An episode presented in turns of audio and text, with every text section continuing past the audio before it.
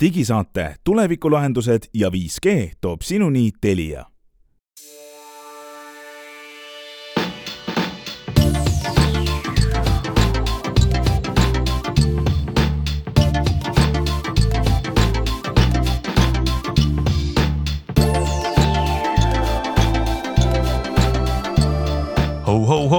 kahekümne kuues detsember on siin nimetu digisaade teiega ja neli päkapikku on stuudios. Henrik Roonemaa, Hans Lõugas, Meelis Väljamäe, Glen Pilre ja räägime veel, mis meil siin viimastel jõulunädalal, jõulueelsel nädalal tehnikamaailmast on kõrva silma jäänud.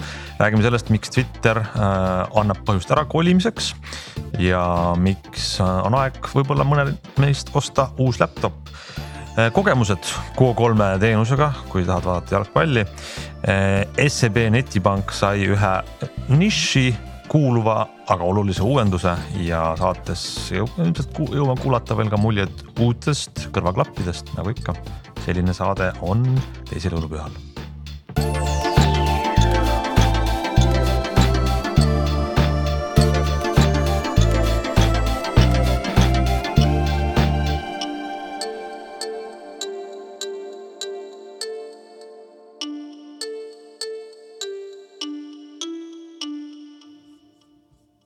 no nii, hakkame saatega peale, nimetu digisaade, meie oleme pühade lainelt äh, täiesti asjalikud, üleüldse ei mingit äh, jõulujuttu rohkem ei räägi, ma luban.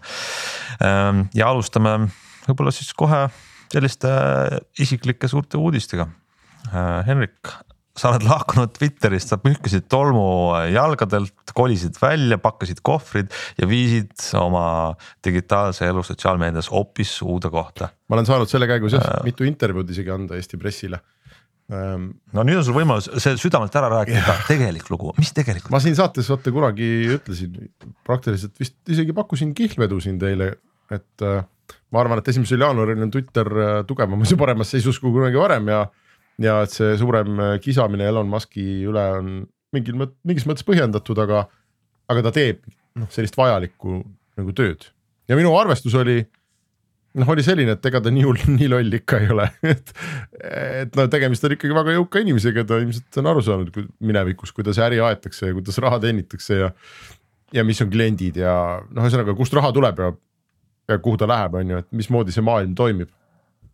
aga ja olin täitsa rahulikult seal edasi, aga siis ikkagi juhtus siin äh, pealt nädala tagasi juhtus, juhtus mitu asja kuidagi järjest. mis, äh, mis ma lõpuks sain aru, et minu jaoks on selles keskkonnas viibimine lihtsalt nii väsitav äh, vaimselt mingis mõttes, et ma pean kogu aeg lisaks sellele, et ma tegelen enda probleemidega, pean ma tegelema mingite Elon Musk'i välja mõeldud probleemidega ja. ja need endast läbi laskma, et, et mis, mis on täna lubatud ja mis on täna keelatud ja kui ta kui Twitter keelas ära linkimise noh sisuliselt keelas ära linkimise mingite eranditega teistele keskkondadele nagu näiteks ka Facebook, Instagram ja Mastodon ja muud olid ka seal, TikTok'i ei olnud huvitaval kombel äh,. siis ma sain aru, et aga äh, ja sellele eelnes veel tegelikult mitu asju, seal oli blokeeritud mingite ajakirjanike kontosid ja, ja kogu see pull käib seal niimoodi, et, et midagi juhtub. ma ei tea, midagi keelatakse ära, kedagi blokitakse ära ja siis äh, tõuseb suurem kisa ja siis tuleb Elon Musk ja umbes ütleb oi-oi-oi, tegelikult see ei olnud üldse nii mõeldud, keerame tagasi, teeme vabaks, laseme need inimesed siia. mõnikord juhtub sellest midagi, mõnikord lastakse, mõnikord ei lasta, mõnikord jääb keelatuks, mõnikord lubatakse reeglid ümber teha, tegelikult ei tehta. see tundub mulle selline hästi aut segane autoritaarne riik justkui, et sa ärkad hommikul üles ja sa ei saa aru, et no sa pead mõistatama, et mis tujus su valitseja täna on ja kas õhtuks on sul pea õlgadel või on see maha võetud ja pärast vabandab selle eest, eks, või võib-olla ei vabanda ka. ja, ja vot siis mul lihtsalt sai kuidagi kõrini, ma mõtlesin, et ma lähen vaatan siis ikkagi sinna palju, palju räägitud Mastodoni. ja ei kustuta muidugi ära Twitteri kontot, sest mul on seal üle seitsme tuhande jälgija, ma vaatasin huviga. ilmselt on aastate jooksul kogunenud. Äh, Mastodonis on nüüd siis kümnekonna päevaga tiksunud kakssada ja ah, seal on inimesi no., näed ja jah, ja noh, mind ju seal on ikkagi inimesi, kellel on tuhandeid ja tuhandeid jälgijaid, eks mind, mind internetimaailma suured mõtlejad ei jälgi, ma kirjutan ka eesti keeles seal vast valdavalt ja, aga, aga jah, minu põhjus oli jah see, et ma annan nüüd Elon Muskile aega siis äh, vaadata, mis sellest Twitterist saab. kas sinna tekib mingi normaalne läbipaistev selline reeglistik ja juhtimine? ehk see on keskkond tegelikult, kui mina seal olen, siis isegi kui ma olen ainult lugeja, siis ma teenin Elon Muskile sellega raha.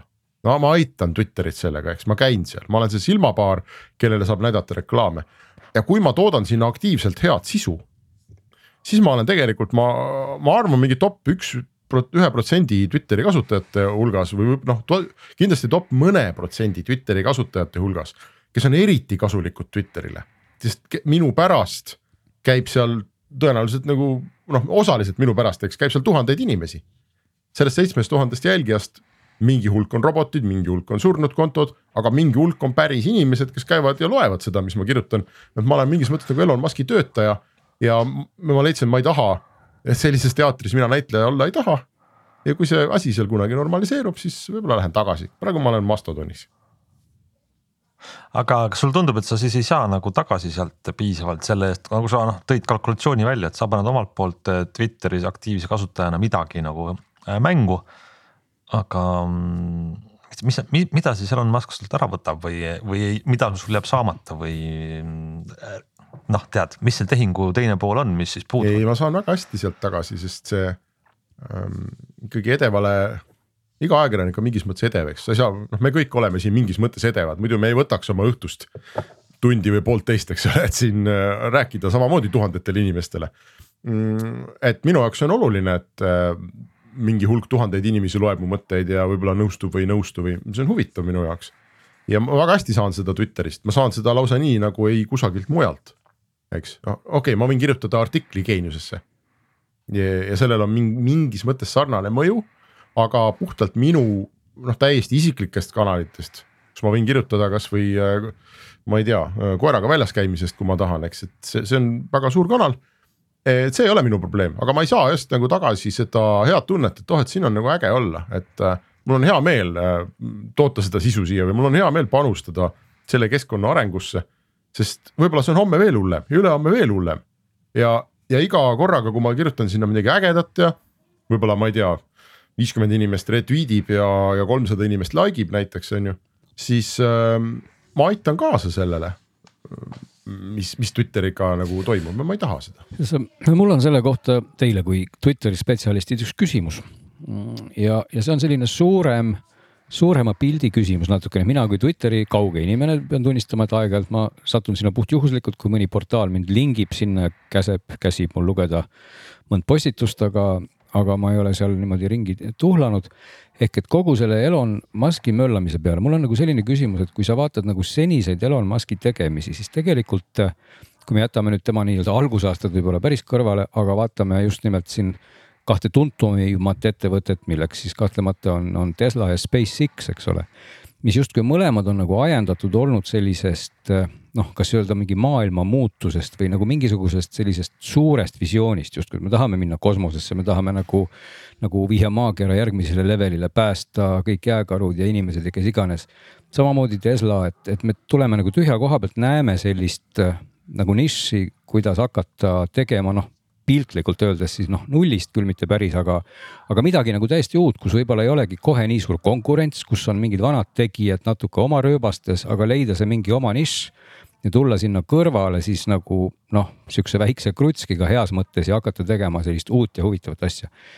kuidas see Twitter sellega üldse haakub, ma ei saa nagu üldse aru mis on selle Twitteri puhul see Tesla ja SpaceX-i nagu võrdusmärgi taga, et, et, et kui ma panen nagu ühele poole Elon Musk ja siis Twitter ja, ja siis kõik need teised asjad, see tundub mulle nagu noh, nii et nagu sihuke loogika ülesanne, et kui et leia, mis ei sobi, kui toas on, ma ei tea, kuubikring, kolmnurk ja jääkaru. see ei sobi, eks. Twitter on Elon Musk'i, Twitter on Elon Musk'i jääkaru. Nagu, et mulle pilt, piltlikult öeldes jah tundub, et et keegi neist on üldse jääkaru siin ja, ja pole nagu raske arvata, kes, et, et, et minu küsimuse sisu on see, et teie kui Twitteriga võib-olla rohkem kokku puutunud, et mis, mis see visioon võiks seal olla, mis asja ta seal ajab? No ei, sa ei, sa küsid valesti, mitte mida meie kui Twitteriga kokku puutunud inimesed, sa peaks küsima, teie kui Elon Musk'iga kokku puutunud inimesed, me ei ole Elon Musk'iga kokku puutunud. seda küll jah, aga, aga ma mõtlen nagu tema, seda just. tema enda et... sõnad on need, et ju, et äh, Twitter on äh, unikaalne äh, platvorm justkui globaalne külaplats, kus kõigil on õigus arvamust avaldada. seda ja, küll, aga mis seal on sellist noh, mis seal on nagu sellist, mis siis nagu nüüd nii-öelda sellise visionääri jaoks tundub kuidagi nagu uus. no mis seal on, las ma, las, sa tegelikult oled kuulnud juba vastust, see kõlas siin saates, seda rääkis Henrik natukene sellest, miks, miks meile meeldib Twitteris käia, miks see on äge ikkagi seal. ja nüüd miljardikordista see tunne või miljonikordista see tunne, miks on äge Twitteris käia, siis on, see on Elon Musk'i see laks või kaif, mis ta sealt saab, kus ta ütleb, tweetib ühe tähe ja, ja siis tuhanded inimesed reageerivad sellele. see, see on see kaif aga ta on sellest Kaifist nagu sõltlased teevad mõnikord rumalaid otsuseid, noh ta tegi otsuse, et ta ostab ära selle asja ja hakkab seda ise juhtima no just, ma arvan, et see, see loodame, et ta saab sinna professionaalse juhi ja. aga, aga seal on teine asi veel, et äh, Glenni küsimusele vastates ähm,. ma arvan, et see selline ärivisionäär ja see jah, ehitaja, nagu ta on olnud, eks mm. -hmm. ma arvan, ta nägi seal Twitteris ka ikkagi tõesti ettevõtet, mis oli väga kehvas seisus ja, ja kus oli tehtud väga palju valesid otsuseid, noh praktiliselt ikkagi Twitteri loomisest peale ja ta ja Twitter ei ole tegelikult jalgu alla saanud nagu normaalses mõttes, jah, ta on hästi suur ja mitte isegi suur, ta on tegelikult suhteliselt väike, ta on, ma ei tea, kümme väike. kümmekond korda väiksem kui Facebook kasutajate arvult, võib-olla vähem, aga noh. tal on seal ütleme sadades miljonites, Facebooki loetakse mingites miljardites, eks on see mingi kaks või rohkem.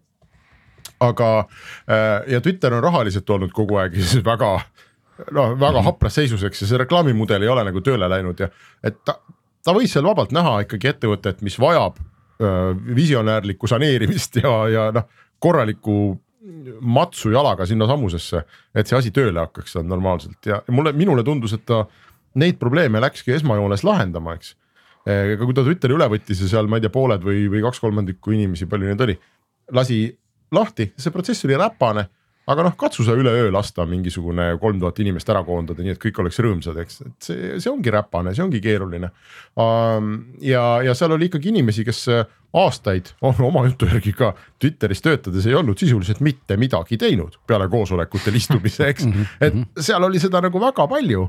Ja, ja minu see toonane noh, kihlveo pakkumine teile põhineski sellel, et ta teeb nagu vas- vastikut valusat asja aga ta peab selle ära tegema ja kui see Twitter pärast seda püsti jääb, siis ta on palju paremas seisus, ta on palju noh, mõnusam on hakata ehitama midagi selle peale, kui sa oled kogu selle jura sealt nagu välja kraapinud, on ju. aga, aga lihtsalt see, et ta, Twitter on meediaorganisatsioon, mitte autotehas. ja tema sisuloojad äh, ja tarbijad lihtsalt hakkasid mässama ja ma arvan, ta seda väga ei osanud ette näha, eks, et kui sa Tesla tehases ütled mingile robotile, võib-olla isegi mingile liinitöölisele, eks ole, et noh, toksi nüüd natuke teistmoodi siis ta teeb seda no,. kui sa ütled te, mulle või Hansule või, või ütleme maailma mingile noh, või ütleme inimesele, kellel on omal auditoorium mm, -hmm. ütled, nii on ju, et nüüd kargad teistpidi, siis ma, meie ei taha no ütleme, et ma, ma ütleks siia ruttu sellise asja vahele, et nagu noh, senised Elon Musk'i tegemised ikkagi nagu on toiminud nagu natuke sellisel printsiibil, et ta on visanud välja nagu suhteliselt head mõtted, leidnud omale suhteliselt lojaalse sellise fännibaasi, kellele siis nagu müüa nagu seda tulevikku kogu aeg mm -hmm. ja kes siis on panustanud sinna nii emotsionaalselt kui rahaliselt. ja siis ta on proovinud nagu oma lubadustele piltlikult öeldes nagu järgi joosta kogu aeg, et, et see on väga oluline point olnud alati, et tal on see emotsionaalne fännibaas, see, see, see kandepind, aga praegu nagu Twitteri puhul kuidagi tundub, et nagu ei ole siis või et, et ehk et nagu seal ongi seesama vastuolu natukene, ma näen, et, et, et, et see, see kõik on nagu need pusletükid on kõik nagu olulised ja, ja Twitteri puhul justkui kipub nagu nendest olulistest tükkidest nagu kaugelt vaadates natuke puudu jääma, et esiteks ma ei näe nagu sellist väga uut visiooni, okei okay,, võib-olla see kusagil on, see ei paistagi välja.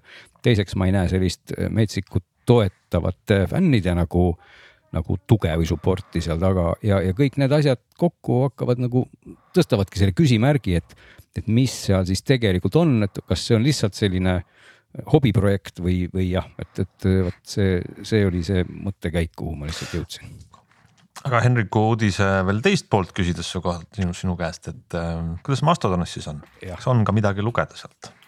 kuule, täitsa huvitav äh, asi on selle Mastodoniga, seal nad ise loevad jälle kokku mitmete miljonite kaupa see, see kasutajate hulk hüpetega kasvab, kui Elon Musk jälle Twitteris mingi äkilisema liigutuse teeb. Ja, ja täna ma vaatan, et minu Mastodonis see Mastodon tundub nagu selline Linuxi meeste kokkutulek natukene. mul ongi tegelikult täiesti praktiline küsimus, et anna nõu, et seal on miljon serverit ja millisega peaks siis liituma? ja mingit vahet, see on ju põhiline küsimus ja mulle tundub, et seal Mastodonis neid väikseid imelikke küsimusi on hästi palju. mina läksin mastodon.social vist on selline server, aga neid on igasuguseid ja minu meelest Aga- tegelikult ei ole eriti nagu vahet. Serveri osas ma kommenteerin vahele, et mul just eile sõber küsis sama küsimust nagu siin kõlas, millisesse serverisse ma siis lähen. Eesti server on ka Äh, olemas ma- ju. just, ma tahtsin sinna jõuda, et mina olen ka Mastodon Socialis ja selle registreerimine on kinni pandud. ilmselt on liiga populaarne pidu, uute kontode avamine suletud, et oligi segaduses, mis nüüd saab, kas see tähendab, et ma ei saa enam lugeda inimesi, kes on seal serveris või? ja korrektne vastus on vist, et noh, näiteks rääkides nendest Eesti kasut-, Eesti aktivistidest, kes on teinud est.social serveri, võib sellega liituda. Lõppude lõpuks ma saan aru, vahet ei ole, millises serveris sa oled, saad jälgida kõikides serverites olevaid inimesi jah, ja Ainuke asi, sa ei näe- isegi saad sa kontot ümber tõsta. ja kontot saab ümber tõsta, kui sulle ei meeldi, aga tegelikult selles ei ole mingisugust. see, see mõte oli selles, et Mastodon on ehitatud nagu selline natukene nagu väike internet või? Linuxi meest, oota, selleni ma jõuan, et jätkame. Mastodon on ehitatud natuke nagu väike internet ehk äh, igas serveris on idee järgi peaks olema kogunema inimesed, kes nagu mingis mõttes mõtlevad samamoodi, noh et äh, ma ei tea, Meelis võib Mhm. minna Euronixi töötajate serverisse, eks ole. ja Glen võib minna, ma ei tea, Eesti heliloojate serverisse näiteks on ju, kui sa tahad või, või, või, või autorite ühingus. Euro-, jah, autorite ühingu Mastodon, Mastodoni et ja siis te ajate seal omavahel, eks ole, neid äh, oma asju ja, ja, ja siis kas mäletate seda paralleeli, et Twitter on see, kuidas see on see kõlakoda või? See kõlakoja definitsioon praegu, mis ma kuulen, jätkame. ja, ja siis äh, selle kõrvale, et te omavahel ajate neid äh, autorite asju ja Euronixi äh, töötajate asju on ju oma, oma seal nii-öelda serveris, teil on oma nagu väike Twitter. kus te ainult ise kirjutate ja, ja, ja siis on selline asi nagu äh, Fediverse on selle nimi, selline föderaalne see on see, mida Helmed ei taha, et Euroopa Liidust saaks, eks ole, et see on nüüd siis saanud nagu äh, Mastodonist või sinna sisse ehitatud, et on olemas nagu föderaalne feed nimetatakse seda, mis on siis mm, mis on siis need inimesed, keda sa jälgid sõltumata sellest, mis pagana serveris nad on. ja see on, see föderaalne feed on siis nagu Twitteri koopia. Et sa lihtsalt klikid kellelegi follow, ah oma, neid sa saad valida vabalt. Ja, ja, ja, muidugi, jah. Neid ei- mingi algoritm ei suru. ei, see on täpselt samamoodi nagu Twitteris, sa leiad kuskilt mingi inimese, sõltumata sellest, mis pagana serveris see on, sa klikid follow ja, ja oledki ja ongi sinu enda nagu selline Twitter üle kõigi serverite. ja mina ei ole veel nagu oma Mastodoni karjääri jooksul praegu näinud, et see mingi lokaalne serveripõhine feed kuidagi nagu kasulik või huvitav oleks. et ma, ma seda absoluutselt mm, -hmm. minu meelest see Mastodoni ja minu Mastodoni äpi põhivaade, kui ma lähen, ongi lihtsalt minu feed, inimesed, keda ma jälgin. Ja kuskil ma saan otsida üles selle, et mis selles serveris parasjagu räägitakse. aga mina seda pole kunagi kasutanud ja ei ole ka mingit põhjust, sest see, see server on nii suur, no mida ma vahin seal, et kui on huvitavad inimesed, siis ma jälgin neid otse. ja kui on igavad inimesed, siis ma ei taha neid näha, on ju, sõltumata sellest, kas nad on minu serveris või ei ole. Või ka mitte igavad, vaid noh, inimesed, kes kirjutavad midagi, mida ma ei taha tingimata lugeda, pole minu huvi ja ja, ja selles mõttes Mastodon on täiesti otsene Twitteri koopia, klikid follow ja näed. ja, ja näed ja, mm -hmm. ja teised näevad siis seda, mida sina kirjutad, need, kes sind jälgivad. küll aga kui näiteks Hans oleks, ma ei tea, kas me oleme sama, samas serveris, aga kui keegi on teises serveris, siis ainuke asi, mida sa ei saa, sa ei saa näha, kes teda jälgib ja keda tema jälgib. sa näed ainult äh, inimesi, kes on sinuga samas serveris klikid tema nime peale, vaatad, ahah, keda ta follow ib, on ju, siis sa näed ainult neid inimesi, kes on sinuga samas serveris. võib-olla Hans jälgib veel äh,, ma ei tea, mis, mis iganes, eks ole äh, Hiina toiduteemalist mingisugune, on Hiina, Hiina toidu serveris, ma neid fänne seal ei näe. aga sa pead kuidagi liitumisel siis selle serveri asja nagu ära otsustama pärast jah. nagu ühest teise hüpata. Saad küll.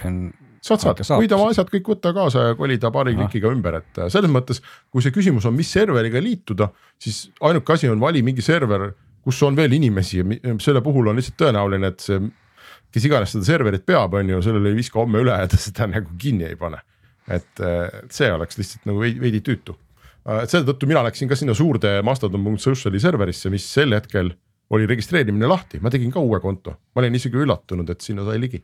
ja selles mõttes see kogemus on väga-väga-väga-väga Twitteri sarnane, aga seal on nüüd mõned asjad. ja teatavasti eriti tehnoloogia maailmas, kui sa üritad teha, ma ei tea, paremat Skype'i või pare-, natuke paremat Skype'i või natuke paremat Facebooki on ju, siis keegi ei viitsi noh tulla sinu kliendiks nii-öelda, keegi ei viitsi sinna kolida, sest et sa tegid mingi nupu ilusamaks ja ise oled jõle rahul.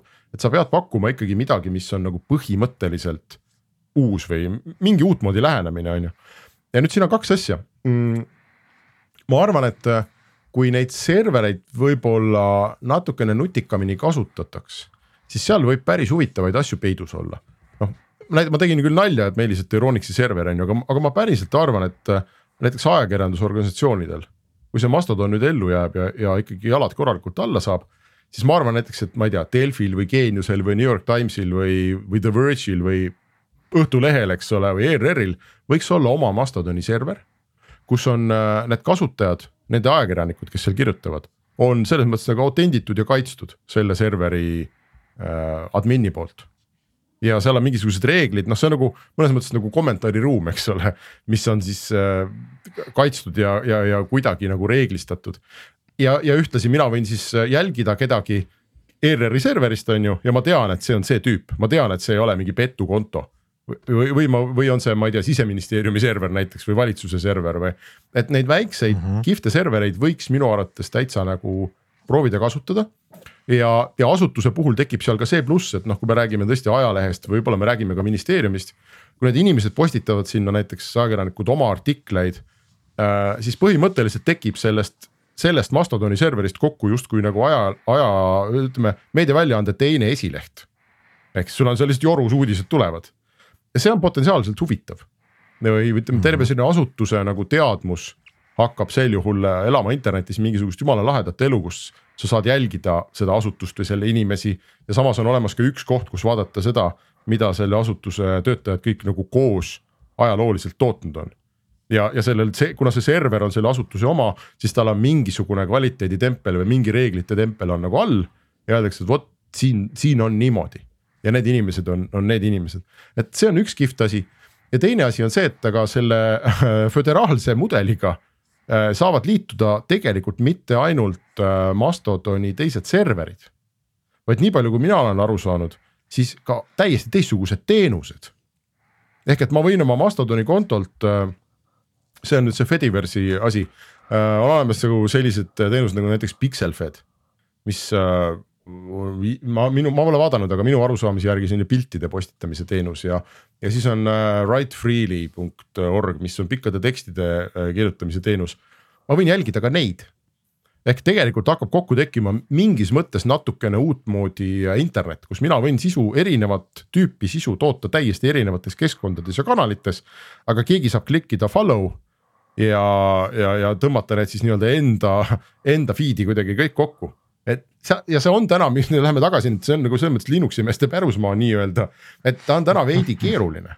Noh, see, see ka see kontseptsioon ise, eks tava nagu kodanikule, et oota, mis mõttes nagu jälgi server, Pixelfed mingist noh, see ei ole täna nagu päris nii lihtne.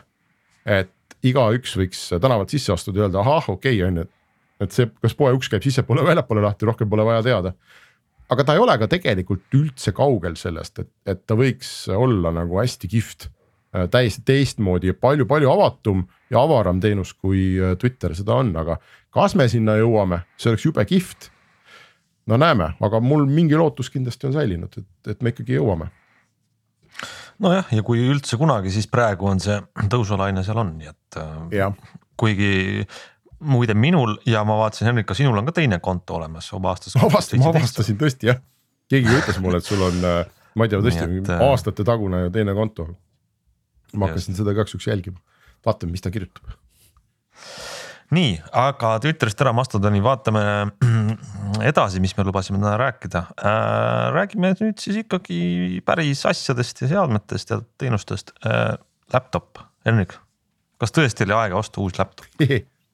ma saan nii palju järjest rääkida, võtame mingi muu teema vahel, ma saan kurku puhata. võtame vahele ühe, ühe väiksema teema, võtame vahele ühe väiksema teema, mis on äh, omas äh, maailmas väga oluline. Meelis, miks ähm, SEB kliendid võiks nüüd rõõmustada, et nad saavad maksta läbi Google Pay? noh, kui sa oled SEB klient nagu mina ja kui sa oled Android nee. telefoni kasutaja nagu mina või kui sa peaksid kasutama mõnda Androidiga uuemat nutikella Samsungit või Galaxy S4 viit või siis Pixelit, eks ole. Samsung Pay Eestis ei tööta muideks, nii et. no vot, sinna üritangi jõuda, et siis. just ja ma Google ei ole kindel, kas seda kunagi, kas seda üldse tarvis on, sest Google Pay töötab ju samade seadmete peale, ta on universaalsem, töötab noh, Samsung Pay töötab ainult Samsungi asjadega, eks.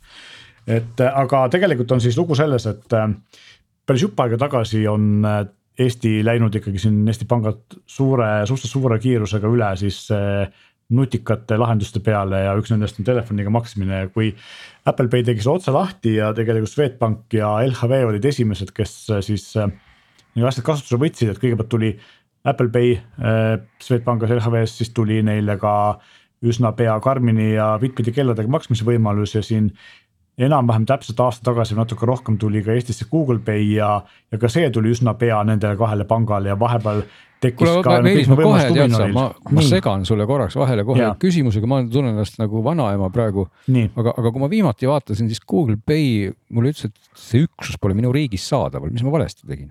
Pole vähemitki aimu. see oli VPN-iga kompleksne. see üksus, millest Glen räägib, kas sa vaatasid seda? see on Huawei telefon äkki ei, ei, see on OnePlus, ma vaatasin seda äpp, noh Google Play Store'ist loomulikult. Äh, nüüd ta on ju veel lisaks Wallet'iks ümber nimetatud, see on omaette nagu teema, kuidas. just, et sa võid vaadata vana rakendust. et aga, äh, makseteenus on jätkuvalt Pay, aga äpp on Wallet, eks aa, nii et ma peaks otsima Google Wallet'it hoopistükkis, ütled, kas Google Pay kohta muide ma praegu selle jutu äh, taustal vaatasingi, et Pay kohta ütleb täpselt sama asja, et üksus mhm. pole teie. siis on see, et äh, USA-s ja Indias vist ta on veel jätkuvalt Pay, aga mujal maailmas on ta nüüd wallet, aga, aga siis see Pay on nüüd selle wallet'i osa, eks ole mm. -hmm. aga tegelikult on siis see, et nüüd on Google Pay ka saadaval SEB pangal ja mina kui SEB klient ja kes mulle meeldib kella ja telefoniga maksta, kella mul hetkel küll Karmin käe peal, aga ma kasutan aeg-ajalt ka Samsungi kella, siis.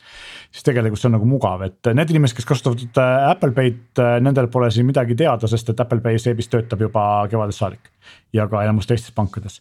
et aga nüüd on siis Androidi kasutajad ja, ja Androidiga uuemate kellade kasutajad saavad ka viibata eh, varem oli see võimalus olemas SEB enda Androidi äpis, aga ma ütleks, et see oli kõvasti ebamugavam ja näiteks minu kogemuses. noh, see võib olla turvalise küsimus ka, aga Google Pay Eh, töötab sama telefoni, sama NFC kiibiga märgatavalt kaugemalt kui Seebi äpi äpp, ehk siis. kui ma tahan ma hmm. maksta, siis ma pean Seebi äppi panema praktiliselt terminali vastu, aga Google Pay võtab ikkagi niimoodi noh, poole sentimeetri kaugusel, võib-olla sentimeetri kaugusel. no mul on Seebi äpp on, Seebi äpp on töötanud mul väga hästi küll seni, aga, aga. ja no lisaks on eks ole see, et Seebi äpis on ju, ta töötab nagu virtuaalne kaart samamoodi nagu näiteks Karmini kellad, et. et sa saad maksta viiekümne euro eest või siis äh, parooli või PIN koodi või selles mõttes, sõrme järgi pannes saja viiekümne euro eest, eks ole, Google Pay'l on seesama nagu Apple Pay'l on tegelikult piiramatu, kui sa oled telefoni avanud mm, -hmm. sa võid ka tuhande eurose asja osta. et, et selles mõttes üks mugavusfunktsioon on jälle juures ja üks pank on kahekümne esimesel sajandil lähemal, et ma tahaks näha, et nüüd viimase suurema pangana ka Coop Pank selle. selle asja ära teeb, et nii Apple Pay kui Google Pay tooks vähemalt turule, kui ta Karmin Pay'd ei, ei raatsi tuua, mis on selline noh, olgem ausad, natuke niši asi, aga. aga Apple Pay ja Google Pay on ikkagi siin noh, ma ütleks, et ühel endast lugupidaval pangal peaksid need mõlemad olemas olema jah, või siis äh, sõnastades ümber ühel pangal, kes tahab jaeturgu võita, võiks olla just, olemas Apple või Google Just. Pay jah ja siis võlusõna on Google Wallet, et kui keegi Just. tahab, kellel pole seda mingil põhjusel ja tahab nüüd minna seda hopsti omale installeerima, siis kas sa nüüd, kas sa nüüd said Meelise, Meelise jutu käigus, Glen, aru sellest, on sul olemas? ma sain ja ma sain aru, mul on wallet täitsa olemas, ma ei ole, kuna SEB pangal on see, mul on väga hästi toiminud see, et ma personaalselt ei olegi väga torkinud Google Pay. mina olen viimasel ajal kasutanud, äh, mul on ka vist nagu Hansugi Curve'i kaart ja kuigi nemad läksid ka siin mhm. viimased tasuliseks nende asjadega, aga. aga ühesõnaga jah, et, et ma olen kasutanud seda SEB-i äh, ja ikkagi mitte Seebi rakendust, vaid Google Wallet'i, kuna mulle meeldib see, et ma saan sinna panna mitu kaarti ja neid siis saab vahetada, eks ole, et. et see on nagu see, et ma maksan ühe panga või teise panga kaardi, kui ma tahan. aga jah mm, -hmm. et, et see võimalus on nüüd olemas ja näed, Glen on selle nüüd endale saanud ja mina sain omale Mastodoni konto vahepeal, nii et. ja ma vaatasin, Meelis Vee hakkas mind jälgima, nii et tere tulemast Mastodoni, Meelis no vot. paljud on tegelikult ümber kolinud, seal on ma ikkagi äh, hulk selliseid äh, blogiajastu, ütleme interneti blogi kuldajastu, paarikümne aasta taguseid suuri äh, visionääre ja filosoofe ja mõtlejaid seal, Dave Weinerid ja, ja. ja muud sellised ja palju ka USA väga mõjukaid tehnoloogiaajakirjanikke, et. Äh, vähemasti minu ring on suhteliselt tehnoloogiakeskne, aga sinna on ka juba muud rahvast nagu siginenud, nii et ma ütleks, et kui ma hommikul või, või päeval oma selle Mastodoni feed'i avan, siis ma mõne erandiga, keda ma väga tahaks seal jälgida, kes siiamaani on Twitteris, ma küll väga nagu puudust ei tunne, ma küll ei ütle, et see kogemus on kuidagi kõhna või kehv, et see kvaliteet on ikkagi väga kiiresti väga palju üles läinud.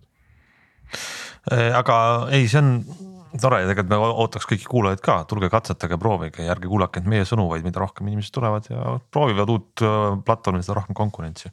aga Henrik, ikkagi lähme tagasi, räägime ei, ma ei lase lahti, miks ja kas tõesti oli põhjus osta uus laptop? me siin... oleme siin saates rääkinud pikalt ju, M1 siis M2. Äh, nii ongi. on aga... valmis saanud. tead, ma teen Äh, see oli selline mitmeosaline probleem, aga, aga selle probleemi juur oli, oli seal, et ma tahtsin, õigemini minu äh, poeg tahab väga, et ma mängiksin temaga Fortnite'i koos tiimis. ja, ja siis me mängisime niimoodi, et tema oli lauaarvuti taga ja mina olin Nintendo Switch'is.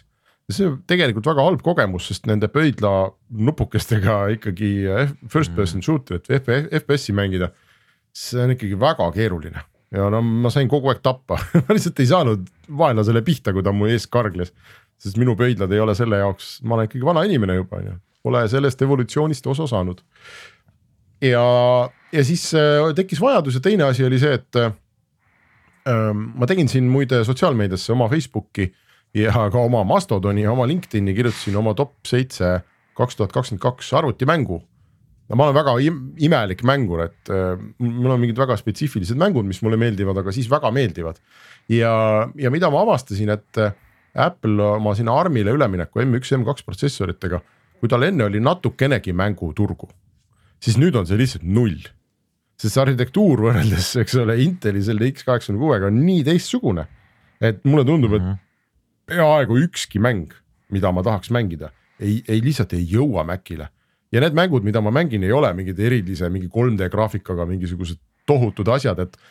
Need on sellised indie mängud suhteliselt kehva pikselgraafikaga ja mu MacBook Air äh, M1 veaks neid välja nii, et vähe pole. aga neid lihtsalt ei ole seal. ja, ja siis ma, asi lõppes sellega, et ma just siin paar päeva tagasi sain kätte äh, äh, portugalikeelse klaviatuuriga ja, ja servast on korpus natukene mõranenud, aga siiski üheksa kuud veel garantiid järel Lenovo Legion viie nimelise geimeri läpaka. mis kaalub midagi üle kahe kilo, hea suur, mingi viieteisttolline ekraan, Nvidia kolmkümmend kuuskümmend äh, graafikakaart on sees ja. ja no väga korralik AMD protsessor, nii et ja kolmesaja vatine tohutu toiteplokk antakse kaasa, see toiteplokk on sama raske kui arvuti ise aga, aga ma lihtsalt tahtsin ära mainida. me oleme leidnud arvuti, mis nüüd MacBook Airile tagatulesid näitab, on siis. Äh, kusjuures ma arvan, et äh, kui ma näiteks seda saadet hakkan siin pärast neid faile eksportima ja teie müra eemaldust ja kõike nagu sinna teie track idele peale panema. või kui ma algoritmi videot teen, siis ta näitab kindlasti taga, tagatulesid Macile, noh, ta on lihtsalt hmm.. graafikakaart on nii palju võimsam ja ka protsessori tuumasid vist on ikkagi nii palju rohkem. Äh, et selles ma ei kahtle, aga ma vist selle jaoks teda ei kasuta, ei tea. aga, aga see oli selline huvitav jah, et, et äh, kasutatuna ja keegi oli juba Amazonist ostnud, äh, nii et väga odavalt ja siis müüs veel odavamalt mulle edasi. ehk et ma nüüd vaatasin, et ma siis sain ta võrreldes uuega nagu poole hinnaga. see umbes mhm. kuuesaja uh -huh. euroga ja ma mõtlesin, et ma siis proovin, et mis asi on üks mänguri läpakas. Ja, ja tegelikult ma pean ütlema, et üllatavalt äh, hea kogemus on. Ähm, et ta ei ole tegelikult ju kallis arvuti, eriti arvestades tema võimsust ja suurust, ta on poes on, ma vaatasin Meelisel on seal letis on tuhat kakssada midagi, üheksakümmend üheksa äkki. samaväärne läpakas, ta on väga hästi ehitatud. Ja okei okay,, ta on plastmassist, ta ei ole alumiiniumist nagu Mac, aga, aga sa võtad ta kätte, ta on selline tugev tükk. Ja tal on väga korralik klaviatuur küljes portide valik on selline, et võtab silme eest kirjuks, eks kõik HDMI-d tohutus koguses USB A-sid, USB-C-d ähm,. kõik, kõik asjad on nagu küljes ja isegi võrgukaabli saab pista. et selles mõttes väga tõsine nagu töömasin äh,. aku ei pea ikkagi kolme tunniga, nagu kolme tunniga on kõik ja no, kui sul on seal see kolmesaja vatine toit ja plokk. ja, ja ta ei ole mõeldud selle jaoks, ma tegelikult noh, ma ei saa ette heita talle seda. ja, ja noh, ventilaatoreid ikkagi kuuleb ka nagu noh, nii et vähe pole. suhteliselt isegi mõnusad sellised suhisevad ventilaatorid on, et midagi ei pinise või ei kõrise, et hästi madala ühtlase suhinaga. aga kui sa game'id kuskil, sul on klapid peas, sind ei huvita see absoluutselt, eks ju, sul on saba seinas, et ta on väga spetsiifiline masin. aga see, selle, see, milleks ta mõeldud on, mulle tundub, ta seda teeb äh, nagu väga hästi, et see geimer'i läpakate turg, ma oleks arvanud, et selline masin on kaks korda kallim. et selles mõttes see minu mm -hmm. jaoks suur üllatus, et nii võimsa läpaka kuusteist giga mälu ja viissada kaksteist gigabaiti SSD-d. ma arvan, kui ma hakkaks praegu lauakat kokku panema, sa ei saaks. ma ei saaks sellise hinnaga. ja see oli minu jaoks äh, üllatusmoment, ma oleks arvanud, et nad on kõvasti kallimad tõsi. eks see ongi see, et tegelikult nende mänguriläpakate hinnad on ikkagi ajas omajagu kukkunud ja samuti on tegelikult muutunud äh, protsessorite ja graafikkaartide võimsused tegelikult ka sellise lihtsa integreeritava kaardiga kangema asjaga saad mängida selliseid asju täitsa vabalt, millega, mida enamus noored mängivad, Fortnite'id ja, ja muud siuksed asjad, et päris kangeid mänge muidugi ei saa, aga aga kolmkümmend kuuekümne peal jookseb, no ma ei tea, mis iganes, Red Dead Redemption kaks jookseb ka, enamus asju jookseb just, et ja, ja noh, tal enda ekraan on tuhat kaheksakümmend B ja, ja see on siis saja kahekümne hertsine versioon. Aga noh, ja seda see kolm tuhat kuuskümmend Nvidia kaart veab noh, nii et vähe pole, ma olen hmm. täiesti kindel, et seal ei ole mingit. tegelikult küsimust. praegu põhiline asi, mille peale minnaksegi, ongi ju see, et ekraanid lähevad kiiremaks hertside poolest, et mm -hmm. reso võistlust enam ei ole on ju. ja noh, ütleme, seal on sada kakskümmend hertsi on ju sada kakskümmend kaadrit sekundis ja, sellest on kangem versioon, see, mis teil on, Meelis, on sada kuuskümmend viis hertsi mm. -hmm. ja noh, olgem ausad, kui sa oled äh, võistlus, see mm, Counter Strike'i mängija, siis see tõenäoliselt sinu jaoks oluline, aga kui sa mängid pojaga Fortnite'i või, või ise Red Dead Redemption kahte, kas see asi jookseb sul sada kakskümmend hertsi või sada kuuskümmend viis kaadrit sekundis? no ei ole enam vahet jah. Mingit vahet kas äh, uut arvutit ostes Meelis äh,, millega mängida?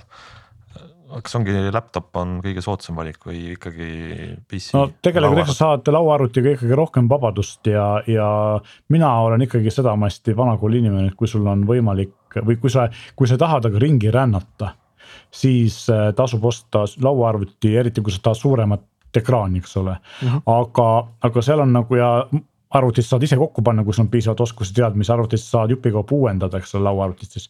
aga samas ähm, tänapäeval on trendid ka sinnapoole, et lauaarvutid lähevad järjest väiksemaks ja selliseid pisikesi äh, Mac mini tüüpi asju on ka ju täiesti olemas, mis on piisavalt võimsad. aga eks äh, sülearvutil on omad võlud, et just see, et ta on kaasaskantav ja kui sa tahad sellega mitte ainult mängida, aga tõesti mingit sisutöötlust teha või oled nagu content creator või mingi selline, siis tegelikult see mänguri sülearvuti on oma võludega, aga noh, seal koha peal jõuame jälle sinnamaani, et. et MacBook Airi fantastiline akukestvus ja, ja siis ka selline noh, piisavalt võimas võimsus mingites äh, sisutöötlusäppides on, on tegelikult ka jällegi väga omaette oluline asi. et see on nagu väga maitse asi või selle eesmärgipõhine on see asi, eks ole. aga jah, loomulikult, kui me räägime sellest, mida tegelikult müüakse, siis ikkagi sülearvutite müük on ju ma julgeks vähemalt kümme korda vähemalt suurem, võib-olla sada korda suurem kui lauaarvuti müük. ehk siis ikkagi nagu massid on seal. jah, jah, ja kes muidugi tahab ikkagi ise tegutseda, pangu ise masin kokku väike hobi lisaks juures ka veel enne, enne ostmist. jah, ja kuigi ma olen ka üllatunud, kui äh, paljugi see isegi see Lenovo läpakas on uuendatav. ma ei saa mingeid võrgukaarte, wifi kaarte vahetada, mälu äh, kettaid vist saan ise juurde panna suuremaks, vähemaks, et seal ikkagi tegelikult saab täitsa nagu teha. ta ei ole päris nii nagu Apple'i arvutid, keerad kruvikaga väga erilise kruvikaga selle alumise kaane alt ära ja siis lihtsalt võid imetleda seda siledat pilti, mis sulle vastu vaatab, on ju, et seal täitsa isegi saab veel natuke paremaks, noh, protsessorit, graafikakaarti muidugi ei saa vahetada ise, ma küll ei usu. ega ekraani vist. võib-olla saab ehm aga lähme siit edasi äkki meie järgmise neliku liikme peale, kes on vähe saanud rääkida, kes on, ma saan aru, kuulanud palju. mitte ainult meid, vaid ka uusi klappe või no mis uued need on, ma saan aru, tegu on Google Budsidega. ja Glen, ole nüüd siis palun täpne, kas tegu on Buds Pro? Buds Pro ongi nendega nimi? jah, need on, need on need kõige kõigemad kõige kõigemad Google'i klapid jah, no klapp on siis vale sõna, need on ikkagi need nagu nööbid, need on need siis nii-öelda True Wireless ehk et True Wireless ja päris juhtmevabad, mingeid juhtmeid seal ei ole, nagu ikka nad siis on. ehk et see on see segment, millest ikka siin juttu ju me oleme kogu aeg teinud nagu Apple AirPodsid ja kõik, kõik need muud. ja, ja ega, ega siin tegelikult nagu iseenesest on tegemist väga igava tootega, nagu nad kõik ju mõnes mõttes on aga, aga mis nende puhul järjekordselt mind üllatas, nad on jube hea heliga. et, et ma kiitsin hirmsasti Bose'i äh, äh, neid nööpe, mis käivad kõrva uh. Mhm. -huh. Need olid need Quiet Comfort kaks vist oli nende nende mark ja, ja pean ütlema, et need, need Google'i omad, noh nüüd kas need on paremad või halvemad, see on puhtalt nagu maitse asi, aga, aga nad kõlavad, kõlavad nagu e-, erakordselt hästi ja, ja väga-väga sellise tüseda bassiga just nimelt, kellele meeldib sihuke altpoolt sadat hertsi selline mõnus müdin, mis siis siin ja seal on ja, ja teistpidi ka niisugune piisavalt särav keskriba, tõsi, need, need Bose'i omad on võib-olla natukene sellise nagu lahtisema sound'iga just päris kõrgete sageduste osas. aga, aga miks nad veel on võib-olla siis nagu toredad, et nad on ka aku vastupidavuselt väga-väga ülivõrdes, et isegi vist praeguse seisuga pole olemas nööpe, mis peaks kauem vastu, ma ei tea küll, kas keegi tahaks mingisugune umbes kümme tundi neid järjest kuulata, aga mm, -hmm. aga ma ei ole seda küll testinud ise, aga väidetavalt need nupud ise peavad vastu siis jah, kui sa kasutad mürasummutust, kas oli see seitse-kaheksa tundi ja ilma oligi vist üle kümne ja ja saab laadida neid karbiga ka seal vähemalt umbes paar-kolm korda. nii et aku vastupidavuselt ka väga super ja, ja disaini mõttes noh, neil on ka selline huvitav omadus mõnevõrra, et nad ei ole, nad ei sulge sul kõrva siis päris hermeetiliselt, et siin on justkui peaks olema selline nii-öelda vent või niisugune avavus, mis siis äh, nagu jätab sulle sellist õhuruumi ka, et, et ei teki võib-olla päris nagu sellist vaakumit, nagu mõnedega tekib, tõsi küll, ikkagi noh, ikka niisugust samu kõminat võib nagu olla, et aga aga, aga, aga päris nagu hermeetiliselt ta kõrva ei sulge ja müra summutab ta sellegipoolest erakordselt hästi, et aktiivne mürasummutus ka jällegi noh, siin oleks õige neid muidugi võrrelda, et mis seal salata, et mul ongi plaanis teha nüüd mingi kirjatükk siin, vaatame, kas see oli siis äkki jõuab veebruari digisse või kus võttagi need kõik need uuemad ja panna siis nagu kõrvuti, sest noh, see on nagu oluline, et, et neid peaks omavahel justkui võrdlema, et, et muidu, muidu võidki ju jääda rääkima, et näed, see on hea ja oh, see on veel parem ja, ja see on veel hoopis äge, et aga niimoodi, niimoodi nagu üldistades teevad nad kõiki asju erakordselt hästi, müra summutus on väga hea, heli on väga hea suhteliselt kompaktsed, et need Bose'i omad on tõsi, natuke siuksed kobakamad, kui ma jälle võrdlen, eks ole, aga, aga samamoodi ei pea neid pikseli ehm, ka niimoodi kõrva nagu väga-väga julmalt pressima, et nad kõlavad täitsa mõnusalt siis, kui sa paned nad nagu, nagu, nagu kõrva, nagu nad lähevad. ja äpi pool on ka vägagi okei okay,, et, et samamoodi loomulikult saab valida selle mürasummutuste ja ja, ja siis müra nii-öelda võimenduste või selle müra kuulamise režiimide vahel, neid saab ka nööpide pealt ise valida. on ka olemas equalizer seal, kui ma ei eksi, kas oli vist viis riba küll sellise naljaka nagu ülesehitusega, et kui tavaliselt ikkagi equalizer'id on nii, et ribad on nagu vertikaalselt ja sa sudid siis nagu niisuguses klassikalises mõttes nende heeblitega, siis seal on nüüd kuidagi üritatud teha sellised suured ja horisontaalsed, justkui sa valiks mingisuguseid mm. menüükirjeid stiilis kõrged sagedused ja veel kõrgemad sagedused ja et siis sa liigutad neid suuri selliseid sentimeetrise nagu nupuga heebleid, aga, aga see kõik on tehtav, loomulikult mingeid eelseadistatud profiile on seal terve hunnik olemas, et ja kõik see, kõik see asi nagu töötab, et, et, et selles mõttes, et esmamulje on, on väga okei okay,, aga hinda ei saa ka ju unustada, et, et kui ikkagi siin palju kiidetud konkurendid, kes on, kes on ka olnud väga hea heliga, kipuvad ju maksma seal vaata et kolmsadagi, eks ole, et, et pigem sinnakanti, siis Google on soodsam, et Eestis saab neid kännukast, kus mina võtsin prooviks, on kahesaja kahekümne euroga, kui ma ei eksi täna, et, et, et sealkandis see hind neil on, et ikkagi noh, pole, pole paha, ütleme nii. võib-olla Glen, sinu see äh,, ma iga saade peaaegu kuulan siin, kuidas sa oled jälle mingid klapid kuskilt kätte saanud ja siis tuleb välja, et need on alati väga head või noh. no kahjuks küll jah ja, et... nööbid, need kipuvad olema nagu head, ma olin nagu, ausalt ma lootsin, et nad nagu ei oleks nii head, et. saaks midagi öelda, öelda ka jah. saaks midagi pahasti öelda, aga ma küll okei okay,, mul olid tõesti praegu veel võrdluseks võtta, ma, ma kõigiga ei jõudnud võrrelda, mul on küll täitsa praegu laua peal olemas ka uued AirPodsid ja, ja need Bose'i omad ka, mida ma olen siin kuulanud, nendega ma jõudsin natuke võrrelda. ja tõepoolest ma seal ikkagi noh, ma ei hakka praegu ütlema siis otseselt detailidesse laskuma, et mis seal nüüd parem või halvem oli, et seal ikkagi on erisus uusi, aga jah, kui ma võtaks täna selle karbi nii, et nagu puhtalt lehelt, siis tõesti iga kord on nii, et vau wow, jälle jube head, noh järgmised, vau, et. aga mul tekkiski selline tegelikult täitsa asjalik küsimus ka siia lisaks sinu kergele tögamisele, et ähm, vaata, sa ka iga kord räägid, et äh, on äpp ja siis sa lähed sinna, liigutad mingeid slaidereid ja ütled, et noh mm,, vot, et mulle mm. seal tahtsin bassi midagi rohkem ja keskmisi vähem on ju või midagi, et kas võib olla, et sina, kes sa oled selle valdkonna professionaal et sa võtad need klapid ja keerad nad enda jaoks paika ja tegelikult see toodang, millel on erinev kest ümber, äkki nad seest on nagu suhteliselt sarnane kraam, mille nagu erisused tulenevad võib-olla rohkem sellest, kuidas keegi seal eh, disaineritest on otsustanud selle default heli keerata. Ja et kui sa oled Glen eh, at mastering.ee on ju, siis sa lähed ja keerad sealt äpist ta täpselt selliseks, nagu sa tahad. Ja et füüsiliselt see seade ei olegi nagu parem või halvem otseselt kui mingi teine, et ta suudabki teha sama sound'i, kui sa ise selliseks ta keerad. no e, e tegelikult e, see jah, nii Meelis saaks. ma tahtsin öelda, et tegelikult eks Eerikul on selles mõttes õigus, et kindlasti on turul väga palju klappe, mis tulevadki ühest-kahest Hiina tehasest ja kus äh, võib-olla see äpp on ka lausa identne ja siis on kindlasti neid saab äh, suuremaid tootjaid, kes tellivad samast Hiina tehasest ja teevad oma äpi ja lasevad selle tarkvara vastavalt ära tuunida. ja, ja siis on mõned, kes äh, ilmselt teevad ise, et ma olen päris veendunud, et Bose ja Sony teevad oma klappe ise ja Apple samamoodi, vähemalt noh, disainivad ise, eks ole. ja et see, selles et, mõttes ähm, kindlasti on, on praegu raske öelda, et Google nagu justkui ei liigitu nende tegijate hulka, keda Meelis just nimetas. vähemalt ja. selle, selle valdkonna jaoks, nii et seal no, see küsimus võiks tekkida, aga teistpidi. omaette ooper on muidugi veel see, kui ma soovin vahele segan, on see veel, et et noh, kui tegelikult ilmselt on üsna vähe neid firmasid, kes tegelikult neid äh, nii-öelda elemente teevad. valjuhääldeid seal sees. kõlarimaailmas on ka samamoodi, on just, seal mingi seas kuskil. tegelikult on ju ka korpus on oluline ja korpuse disain ja kuidas ta kõrva istub ja siis see tarkvara mm -hmm. lõpuks, eks, et mm. -hmm. et tegelikult neid astmeid on seal nii palju, aga, aga noh, ilmselgelt suuremad ja kallimad tootjad teevad enamus asju ise, aga ka nemad ei tee lõpuni neid asju ise mm. -hmm. ei, kindlasti see, see kõik vastab tõele, samal ajal on see see, see nagu kõrvaklappide üldse see inimese kuulmisega seotud maailm.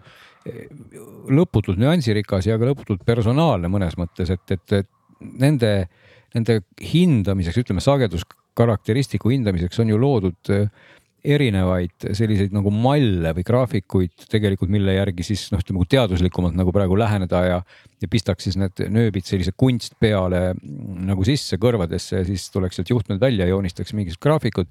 siis tegelikult nende graafikute baasil justkui on, on sellised noh, nii-öelda ideaalgraafikud, mis ei ole ka kaugel nagu noh, mis on suhteliselt kaugel nagu sirgest, et, et ega siis inimese jaoks ei ole kõige parem, kui kõik sagedused on sul nagu võrdselt esindatud, pigem tundubki teataval määral parem, kui seal on mingisugused ühtlased ebaühtlused ja siis nende järgi seda, seda mõõtegraafikut võib võrrelda, aga noh, ütleme, et, et kui ma siin ka vaatan näiteks eh, sellesama Bose'i mainitud Bose'i ja ütleme nüüd nende uute pikslite graafikuid, on nad, on nad mõnes mõttes nagu hästi sarnased ja, ja mingis mõttes isegi need, need graafiku osad nagu indikeerivad mulle nagu teistsugust heli, kui ma nagu kõrvaga kuulen, mis, mis näitab ikkagi ka seda, et kui ma ainult nagu mõõdan ja neid graafikuid vaatan, siis tegelikult see ei anna täit pilti, et inimese kõrv on kahjuks või õnneks nii tundlik instrument, et, et seal piisab mingisugusest väikesest disaini erinevusest, täpselt mingist materjali valikust, mis iganes, mingisuguse valjuhäälde element võib olla sama, aga seal on mingisugune kummilutt on kümnendiku millimeetri võrra võib-olla kuskilt nihkes ja, ja juba midagi muutub ja seal tekib mingi faasi mingisugune nihe kusagil spektri sees ja see juba muudab heli, et, et tegelikult eks, eks alati jääb see, see nagu serv sinna, et ükskõik kui palju sa neid graafikuid vaatad ja proovid nagu suhteliselt objektiivset pilti kokku panna. ega, ega seda nagu ei annagi teha, et ikkagi lõpuks on see oma kõrv see koht, kuhu need tuleks pista ja siis aru saada, et kas see nagu meeldib või mitte. aga, aga jah, kõik see, see pikk jutt ikkagi taandub nagu selleni, et, et ka need on nüüd järjekordselt väga head, et ma ise juba ootaks täitsa, et ma tõesti peaaegu kümme tükki võib-olla neid koguneksin praegu kokku, et et pannagi kõrvuti ja tõesti vaadata, et kas, kas ma saangi lõpuks öelda, et kõik kümme on siis nagu võrdselt head või et, et mis nagu toimub, et nende suuremate kuularitega õnneks päris nii hull see lugu ei ole, et ma iga, võtad nagu kõik pähe ja siis kohe äh, ruhigad rõõmust, kui head nad on, et seal õnneks on ikkagi nagu halvemaid ka, eks ole, aga aga järjekordselt Google on tõepoolest, need on ühesõnaga ilusad, head, väiksed, peaaegu veekindlad, pritsmekindlad vist olid, nii et võib palju higistada, kui kuulad ja, ja, ja igati nagu okei okay toode, ütleme siis selle raha eest.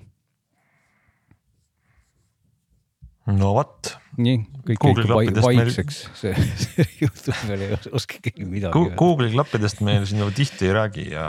ei no ja, jah, muidugi ma ei tea, kas, kas on, on., kas on see koht, et ega ma ei piirdunud ainult Google'i klappidega, et ma võtsin ka siis juba nagu hooga kaasa ka Google'i siis noh, ikkagi võib öelda uue või noh, selle sügisese tipptelefoni, mille nimeks on Google Pixel seitse Pro.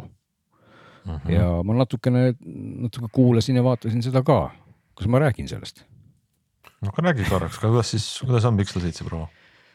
no tegelikult äh, nagu ka natuke igav, ma ütleks, et, et nagu, nagu need kõik telefonid tänapäeval on, et, et ta on suhteliselt suur, suhteliselt ilus ja suhteliselt raske, kaalub üle kahesaja grammi. ja, ja, ja noh, esmapilgul on täpselt nagu, täpselt nagu telefon ikka on, aga, aga natukene võib-olla noh, ma võib-olla räägiks kõigepealt ära, mis tal siis võib-olla mõtlen, kas rääkida need, mis väga hästi on või rääkida seda, mis ei ole väga hästi. räägi see, mis ei ole väga hästi, me teame, et tal on super hea kaamera ja seal on Google'i soft, mis ei ole rikutud ära kellegi poolt ja on tõenäoliselt suhteliselt kiire ja sujuv. kui välja arvata kolm miljonit bugi, mis seal telefonis täiesti kindlasti kuskil on ja ma ei tea, kas see no, sul paari päevaga välja tuli või ei tulnud. no tead sa. väidetavalt on neid bugisid ju palju vähem kui kuuel igal juhul minul esimese hooga hoopis tuligi välja see, et et kui me jätame kõik need nagu need super, superjõudlused ja igasugused äh, kiibid ja asjad nagu kõrvale, mis seal tõepoolest on ja ta on kiire ja nii edasi, siis äh, mul jälle, jällegi tuli natuke selline vanaema tunne mõnes mõttes peale, et et olles kasutanud nüüd mitte Pixli telefoni, vaid, vaid ma olen hästi pikalt nüüd kasutanud, nagu ma olen siin jutust läbi käinud ka OnePlusi, kus on ka nagu niisugune suhteliselt kena kasutajaliides ja kõik ju Google toimib ju väga-väga hästi, täpselt nagu ta toimima peab siis selle piksli peal eh, esiteks ajab mind nagu pehmelt öeldes närvi see, et ametlikul kujul ei õnnestu mul mitte kuidagi saada kõige alt ära otsingukasti. selles mõttes, et seal, kus mul tavaliselt on noh, helistaja, saada sõnum ja tee lahti meil ja ehk et kui te avate oma telefoni, siis alumine rida on ju teatavasti selline nagu kleebitud sahtel, mis ei muutu, kui sa ekraani vaateid muudad kui te aru saate. no see on väga lihtne, et äh, kui siis sa. seal on selle koha peal otsingukast. ja kõik, kõik need muud nupud, need, nad nihkuvad ehk et piltlikult öeldes tähendab see seda, et, et see koht, kus ma olen harjunud helistama, seal on kogu aeg otsingukast ja, ja, ja nii ongi, et, et üritasin ka natukene siis guugeldada selle peale, et kuidas siis Google on sinna selle kasti kleepinud ja sain teada, et põhimõtteliselt nagu variante on laias plaanis kaks, et sa võid siin tõesti siis proovida mingeid muid launcher eid sinna installeerida või siis juba asuda mingi ruutimise libedale teele. või harju kastiga, harjud kastiga ära, ongi kõik jah. Eh, noh no., tegelikult vaata, siin on küsimus ju selles, et kas sa testid seda telefoni või sa kasutad seda telefoni. no nii kui ma nüüd kasutaks, siis seal on kogu aeg kast, siis ma. minu, minu nagu mu mõte oli selles, kui sa testid seda telefoni ja tahad olla nii-öelda aus või, või aus on vale väljend, eh, aga, aga selles mõttes nagu, nagu kasuta asja nii nagu asi mõeldud kasutamiseks on, eks ole. siis ongi sinu asi kurta selle üle, et, et see on kast, on kast, just. kui sa seda telefoni igapäevaselt kasutaksid, siis mina läheks konkreetselt kohe seda teed, et ma installiks sinna mingi teise launcher'i ja unustaks selle mure ära. et võib-olla ma olen lihtsalt liiga kaua selles tehnika sees olnud, aga no, näiteks ma kasutasin aastaid kas..., aastaid ma kasutasin Nova launcher'it ja praegu ma kasutan päris mitu aastat Microsofti launcher'it, ükskõik milline Androidiga telefon mulle kätte satub, mis äh, on minu käes rohkem kui noh, testiperioodi nädal aega, eks ole. siis ma panen sinna Microsofti launcher'i, kus mul on eh, nii-öelda siis salvestatud pilvekonf, mille ma tõmban sealt pilvest mm -hmm. alla uuesti ja see telefon on mul samasugune, nagu oli mu eelmine telefon. see on fantastiline. see on mõistlik lähenemine, aga kas Pixel ei ole see ainus telefon, kus nagu ei oleks mõtet seda teha, et sa lisad sinna oma launcher'id, oma skin'id no,. mulle, mulle nagu ka tunduks, et see, ma olen täiesti ka Meelisega nõus. ma ei ole meie... nõus, sest et ma vot sellepärast mina ei ole äh, alati nõus sellega, kuidas Google, minu arust see Google'i, see ütleme siis nii, et, et see Google'i versioon või, või Google'i nägemus Pixli puhul Androidist ei ole võib-olla enam see Android või selles mõttes ta on ka ikkagi skin sellise klassikalise Androidi peal, et see on see Google'i versioon sellest skin'ist no,. selles mõttes ta ei erine enam Samsungist või kellestki teisest, eks ole. et see no, skin, kus all on otsingukast, see on nõme. see on, see on nõme, nii ja rääkides soft'ist edasi, kahjuks tuleb nagu umbes samal lainel jätkata, et, et olen ka väga harjunud sellega, võib-olla jälle see on minu kui, kui juba nii-öelda jutumärkides vanaema probleem olen ma harjunud sellega, et enamik telefone, mida ma olen testinud, millel on siis, räägime Android telefonidest kui ma viipan seal koduekraanil nagu sõrmega siis lupsti paremale ehk et tahan nagu ühe, ühe võrra siis veel vasakule liikuda, siis avaneb seal Google Feed. Ehk et see minu nagu uudistevoog, noh, Huawei'l on seal mingi Huawei feed, Samsung üritas sinna vahepeal mingit Bixby asja panna, ühesõnaga põhimõte on see, et, et selle koduekraanist vasakule jääb see feed. Mm -hmm. ja, ja sellel Pixlil seda ei ole. Ma, ma ei ole nüüd aru saanud, kas, kas ma olen tõesti nagu liiga vana või olen ma midagi valesti teinud, aga, aga igal juhul ma ei ole kõiki neid setting'u müriaade läbi kamminud, aga karbist võttes, kui ma viipan paremale, ei juhtu mitte midagi.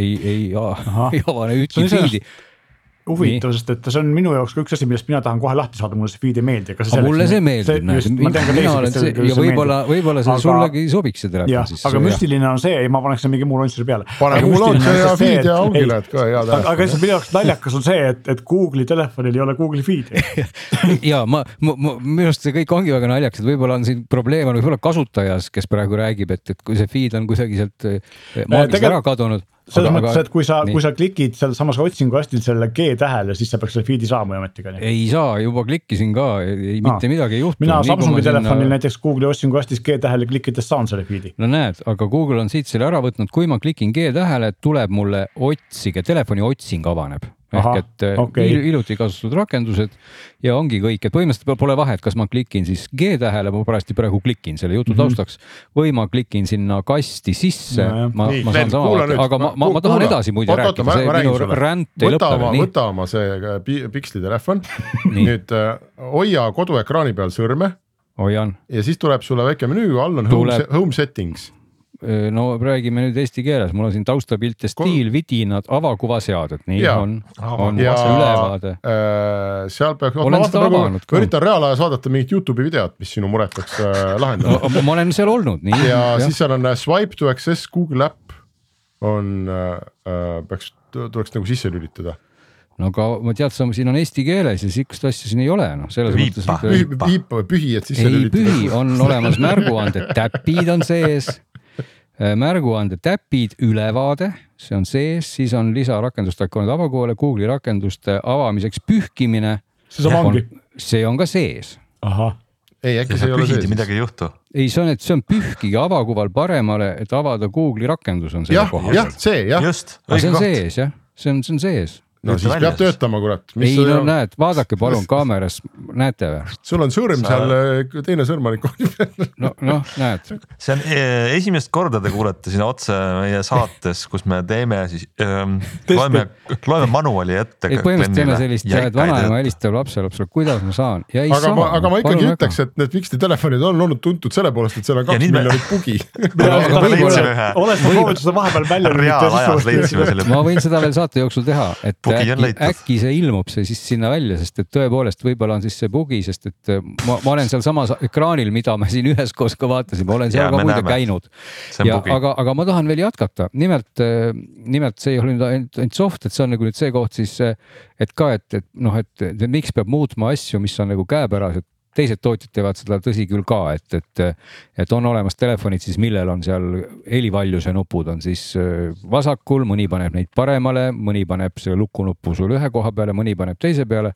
ja Pixlil on siis kogu aeg see komme, et, et äh, lukustusnupp on paremal üleval kus enamik teistel telefonidel äh, on minu arust see helivaljuse nupud ja minu OnePlusil on muidugi hoopis vastupidi, et helivaljuse nupud on, on vasakul ehk see nuppude rägastiku teistmoodi panek on jällegi asi, et kui te võtate mingi uue seadme, mis juhtumisi on, on siis teistsugune. see on harjumuse jõud ja siis sa vajutad loomulikult seda vale nuppu ja, ja soft'ist ka rääkides on siin siis see koht, et see tuli vist ka millalgi Androidiga, et, et kui sa oled harjunud sellega, et sa tõmbad ekraanilt ühe sõrmega alla ja siis avaneb sul kohe näiteks kasvõi ekraani heleduse slaider või midagi sellist, siis siin seda muidugi ei juhtu, vaid siin sa pead tõmbama alla kahe sõrmega, et see avaneks, sest et ühe sõrmega lihtsalt see ei avane.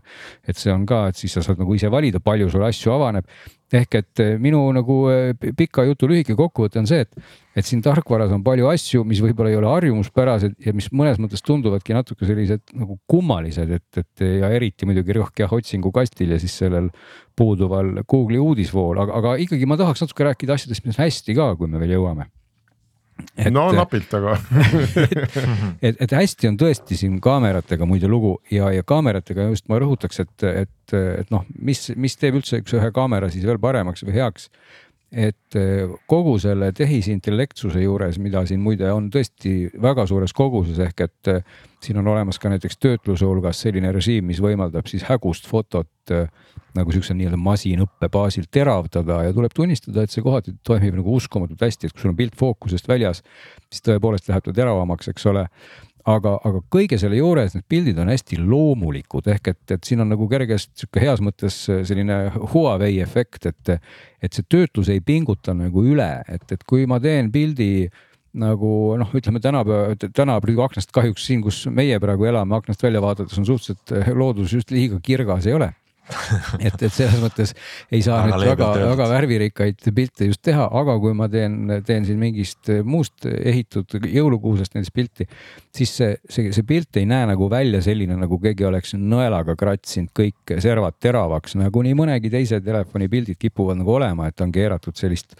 sellist nagu, mis on mitte vibrants, aga, aga, aga mingid slaiderid, mis seal põhimõtteliselt annab nagu Photoshopis peale keerata, et need on, nendega on üle pingutatud, et siin, siin on pigem nagu rõhk sellisel loomulikkusel ja, ja selles mõttes on need pildid noh, nii palju, kui ma jõudsin teha nagu ääretult sümpaatsed.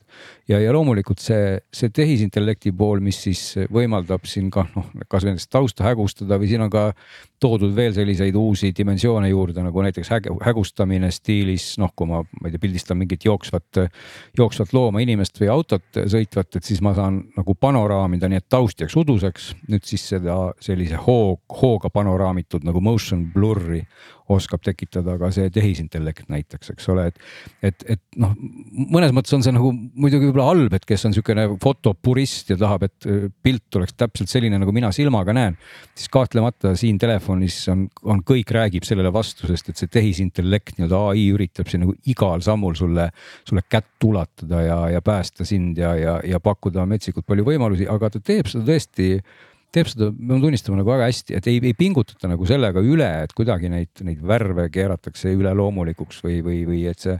ja, ja muidugi noh, füüsilistelt näitajatelt ka ikkagi tasub ära märkida, et siin on noh, täiesti optiline viiekordne telekaamera või, või zoom kaamera mis ka võiks iseloomustada kahe sõnaga nagu kõva sõna ikkagi, et, et see, et sul on viiekordne päris optiline zoom, mille taga on siis ka viiekümne megapiksline sensor või oli see nelikümmend kaheksa, mille pealt saab veel ka siis digitaalselt äh, väga hästi äh, lõigata pilti nii-öelda suuremaks äh, suurenduse mõttes ja, ja noh, salvestuvad nad ju kaheteist megapiksliga, tegelikult siin nagu sellist fotograafilist jõudu on, on kõvasti ja, ja ka video koha pealt siis samamoodi nagu, nagu iPhone'id teevad, on sul võimalik siis ka tausta blurrida ja, ja ka video puhul sellist sujuvat panoraami, noh, nii-öelda panoraamimist teha, et, et pilt jookseb niimoodi kinolikult, et nagu et, et see, see pool on, on kahtlemata äge, eks ole, aga, aga, aga jah, kõik see kokku, kui ma nüüd panen siia otsingukastid ja kõik nagu sinna võrrandisse, siis mul natuke jah, tekib nagu küsimusi, et et, et kas,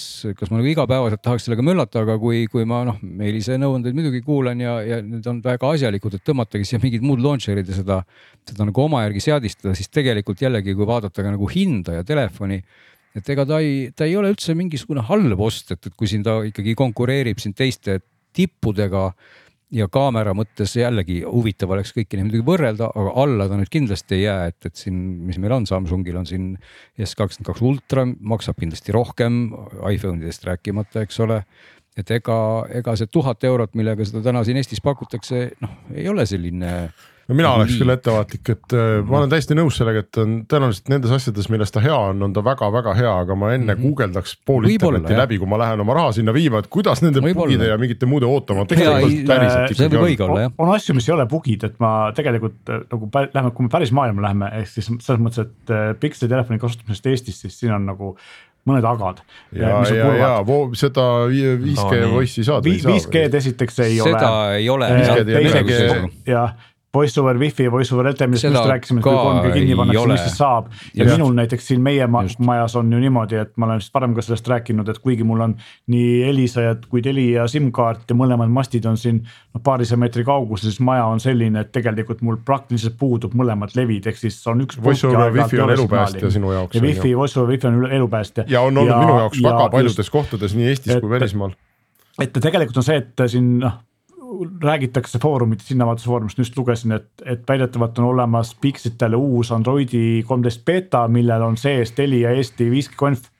aga noh, seda, see ei tähenda, et eks ole, seda lubatakse eetrisse nii-öelda Telia poolt võrku, eks ole. ja sellest on sul vähe kasu, et seda voice over wifi't see ikkagi ei pruugi ju aga tuua. tegelikult see näitab, näitab seda, et midagi toimub, et võib-olla ei ole lootus kadunud, et lõpuks ometi jõuavad pikseltelefonid kunagi ka Eesti operaatorite lettidele, sest tegelikult konkurents oleks ju kasulik ja miks mitte, eks ole. see, see Telia konst seal soft'is annab nagu lootust, äkki mingi taustal mingisugused läbirääkimised käivad ja sest see on tegelikult üldse oluline asi, mida mainida, et, et täna, eks ole, Eestis vist kännukas on üks kas mitte ainus, igal juhul need vähesed firmad, kes justkui ikkagi väga selliselt ametlikult nii-öelda, nii ametlikult kui annab seda telefoni ikkagi pakub ja, ja ka sellele mingit tuge ja kõike, aga, aga ta ei ole jah, ta ei ole ju operaatoritena nagu, nagu ametlikus nimekirjas, mis on, millest on ausalt öeldes väga kahju ja see kajastub ka ilmselt hinnas ja kõiges, eks ole et, et, et see, see on oluline asi, mida mainida, ma tegin siin muide telefonile restardi vahepeal.